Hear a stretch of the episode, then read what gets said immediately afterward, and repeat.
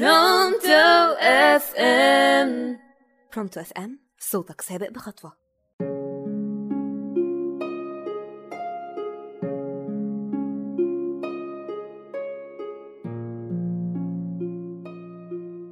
سلام عليكم.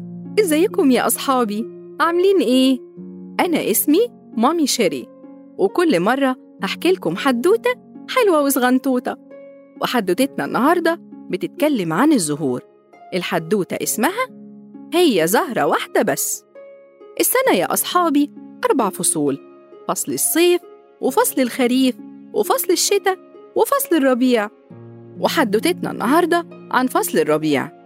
فصل الربيع يا أصحابي العصافير فيه بتملى الدنيا غنى وزقزقة والفراشات بتطير في كل حتة والغابة بتتملى بالأزهار الجميلة. والحيوانات بتخرج من بيوتها بعد نوم طول الشتاء وبتستمتع بالدفى بتاع الشمس من تاني وبتفرح بالجو الحلو وتلعب.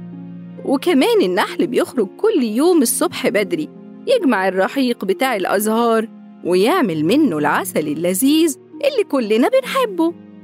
وكانت الأزهار يا أصحابي مالية الغابة هنا زهرة حمراء وهنا زهرة بيضة وهنا زهرة صفرة وألوان كتير حلوة ومزهزهة تخلي الناس تحبها. وفي الغابة كانت كل الحيوانات بتحب العسل زيكم كده يا أصحابي. بيقف كل يوم الصبح الحيوانات كلها طابور قدام الخلية بتاعة النحل علشان ياخدوا العسل. وفي يوم من الأيام جت الحيوانات الصبح كالعادة علشان تاخد العسل لكنهم زعلوا جدا جدا. عشان ما كانش فيه عسل وسألوا نفسهم يا ترى ليه ما فيش عسل؟ وإحنا كمان يا أصحابي عايزين نعرف يا ترى ليه ما فيش عسل؟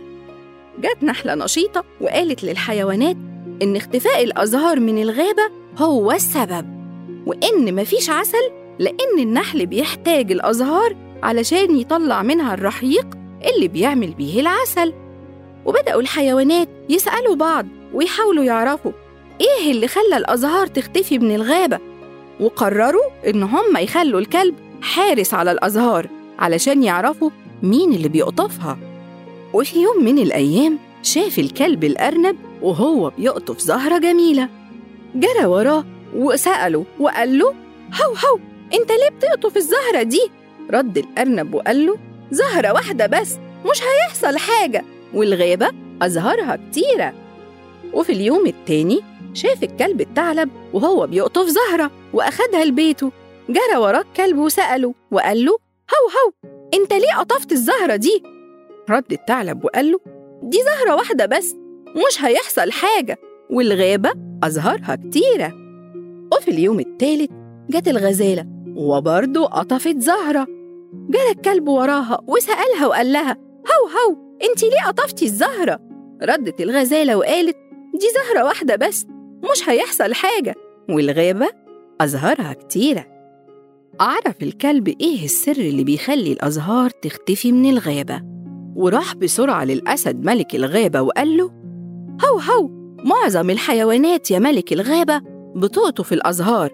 كل واحد منهم بياخد زهرة واحدة وفاكر إن زهرة واحدة بس مش هتضر في حاجة ومش هيحصل حاجة لأن الغابة أزهارها كتيرة. لحد ما بقى مفيش في الغابة ولا زهرة.